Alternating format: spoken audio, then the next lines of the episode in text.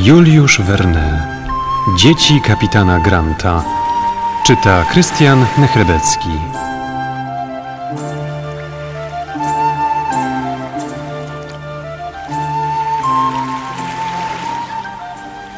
Drzewo płynęło z niesłychaną szybkością, unoszone gwałtownym prądem. Około trzeciej nad ranem major zauważył, że konary ombu zaczynają zaczepiać o dno. W dwadzieścia minut później drzewo uderzyło coś silnie i zatrzymało się na miejscu. Ziemia! Ziemia!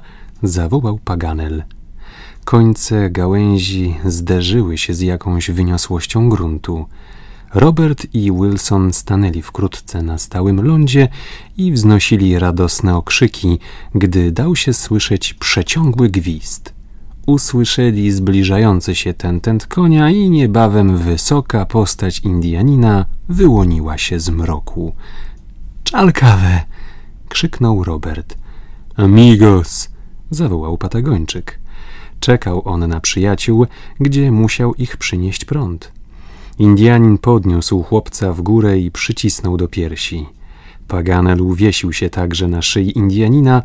Niebawem Glenarvan, major i marynarze ściskali ręce Czalkawe. W kilku słowach Indianin opowiedział Paganelowi swoje losy. Ocalenie przypisywał nieustraszonemu wierzchowcowi. Potem Paganel usiłował przedstawić dzielnemu Patagończykowi nową interpretację listu kapitana Granta – czy Indianin zrozumiał zawiłe wywody? Pewno nie. Widząc jednak wesołe, uśmiechnięte twarze przyjaciół, cieszył się wraz z nimi. Nazajutrz dała się już odczuć bliskość oceanu.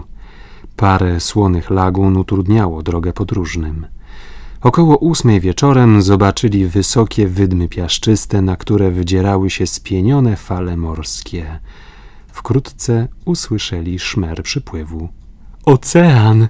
zawołał Paganel. I piechurzy, których siły zdawały się już opuszczać, brnęli teraz przez wydmy z godną podziwu chyżością. Przecież statek musi być w pobliżu, zawołał Glenarvan. Czeka tu na nas na pewno. Wszyscy zerwali się na równe nogi, słysząc wołanie Duncan! Duncan! Na pełnym morzu, w odległości pięciu mil, kołysał się lekko śliczny jacht. Czalkawę naładował starannie strzelbę i wypalił w kierunku jachtu. Wszyscy słuchali chciwie. Wreszcie u burty Duncana ukazał się pióropusz dymu. Zobaczyli nas! Zobaczyli! To działko pokładowe! Wkrótce zobaczyli przez lunetę, że z jachtu spuszczono szalupę. Glenarvan zbliżył się do Czalkawę, wziął Indianina za rękę i wskazując na jacht powiedział – jedź z nami – nie, tu jest czałka i tu są pampasy. Glenarvan zrozumiał, że Indianin nigdy nie wyrzeknie się kraju, gdzie spoczywają kości jego praojców. Potem Robert, Major, Paganel, marynarze pożegnali się serdecznie z Patagończykiem. W tejże chwili zbliżyła się szalupa z Duncana. Tak zakończyła się przeprawa przez Amerykę Południową wzdłuż linii prostej, z której podróżni nie zboczyli ani razu. Ani góry, ani rzeki nie zdołały zawrócić ich z drogi, ale chociaż nie potrzebowali walczyć ze złą wolą ludzi, za to rozszalałe żywioły poddały próbie ich szlachetne męstwo.